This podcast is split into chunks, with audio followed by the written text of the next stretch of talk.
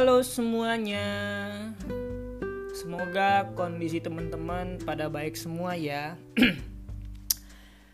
baik, minggu ini saya akan ngoceh tentang investasi ala anak muda.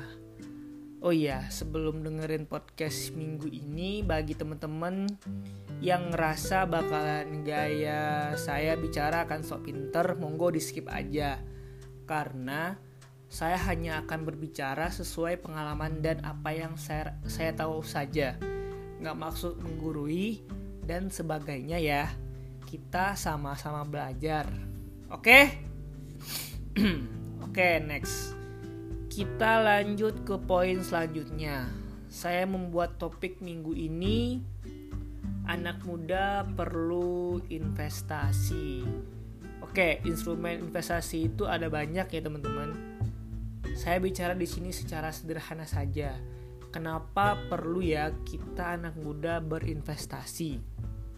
Hmm, kan masih muda.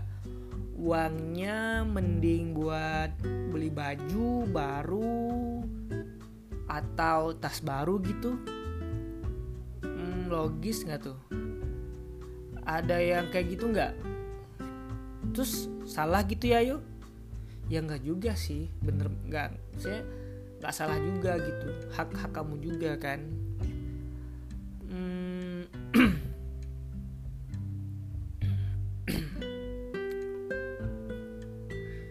saya akan bicara dari sisi lain sebenarnya ini. Sisi lain anak muda yang menyisihkan beberapa persen uangnya untuk investasi. Banyak pertanyaan sebenarnya. Pertanyaan pertama deh Kenapa anak muda? Jawaban saya ya karena anak muda masih punya waktu punya banyak waktu untuk belajar dan semakin mudah kamu berinvestasi ya semakin bagus menurut saya ya. Pertanyaan kedua. Investasi di sini apa aja? Sebenarnya itu banyak instrumen investasi. Beberapa ada saham, reksadana, emas, deposito, properti kalau yang udah cukup banyak duit ya dan lain sebagainya. Kalau teman-teman mau lebih jelasnya banyak para profesional yang menjelaskannya di YouTube atau Instagram mungkin. Pertanyaan ketiga, kenapa perlu investasi? Jawaban saya ya karena kita nggak tahu apa yang akan terjadi 5 atau 10 tahun lagi. Menyiapkan dana darurat atau untuk pendidikan anak bisa jadi salah satu alasan kuat. Eh bentar-bentar.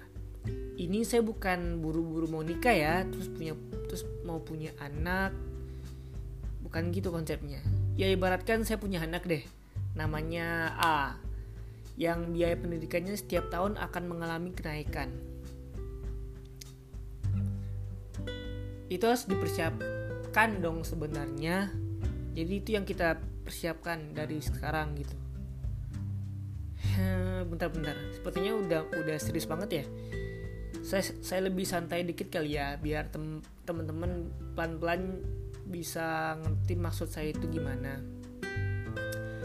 Ya saya akan cerita pengalaman aja biar mudah ngalirnya ya saya memulai investasi itu di umur kurang lebih 21 tahun.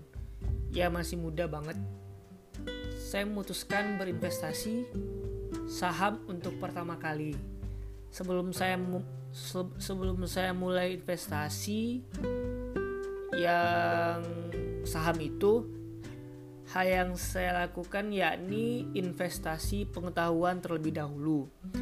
Ini penting banget sih karena kalau kamu terjun ke sebuah hal baru dan nggak tahu apa-apa tentang bidang tersebut ya bakalan kayak nyebur ke laut tanpa pelampung aja gitu. Sedangkan ombak lagi gila-gilanya ya matilah. Ya, ya gitulah konsepnya. Pertanyaan selanjutnya kenapa saham ya yo? Ini kalau jelasin panjang panjang sumpah saya sederhanakan ya karena ini sesuai dengan risiko yang akan saya ambil dan tujuannya itu untuk apa? Udah jelas dulu di awal. Ini saya akan switch sedikit ke masa lalu banget ini. Saya dari SD itu mungkin suka banget yang namanya nabung. Itu nggak tahu belajar dari mana dan emang suka aja gitu. Setelah nabung uang uangnya mama yang megang untuk anak SD ya sampai SMP kali ya. Kalau nggak salah udah cukup banyak lah untuk anak seumuran segitu belasan. Dan kami putuskan saya dan mama putuskan uang itu untuk uh, digunakan untuk membangun rumah yang ditempati sampai hari ini. Hmm, rada bangga tapi ya oke okay lah. Tapi nggak ada uang juga setelah ini sih. Udah udah menjadi properti ya berarti ya ya bener jadi properti. Yang digunain maksudnya. Investasi itu sama kayak kita nabung tapi instrumennya bukan nyimpen uang di bank. Tapi uang kita bisa bekerja sendiri. Wow keren gak tuh? Hmm selanjutnya nih. Kenapa jadi kenapa perlu investasi? Menurut opini saya nih karena kita butuh yang namanya tujuan. Salah satu cara kita bisa mewujudkan tujuan itu ya dengan cara investasi eh bentar 10 tahun lagi. Eh tiba-tiba kamu dapat uang kaget 1 M gitu. Ya itu lain cerita teman-teman. Investasi nggak kayak kayak kamu punya investasi itu kayak kamu punya target 5 tahun lagi butuh uang 1 M untuk biaya pendidikan anak atau mau pensiun dari kerjaan. Ya duit itu yang akan kamu gunain yang udah kamu rencanain 5 atau 10 tahun sebelumnya bedanya sama nabung di bank apa berarti bang? Hmm, bentar-bentar sederhananya nih gini.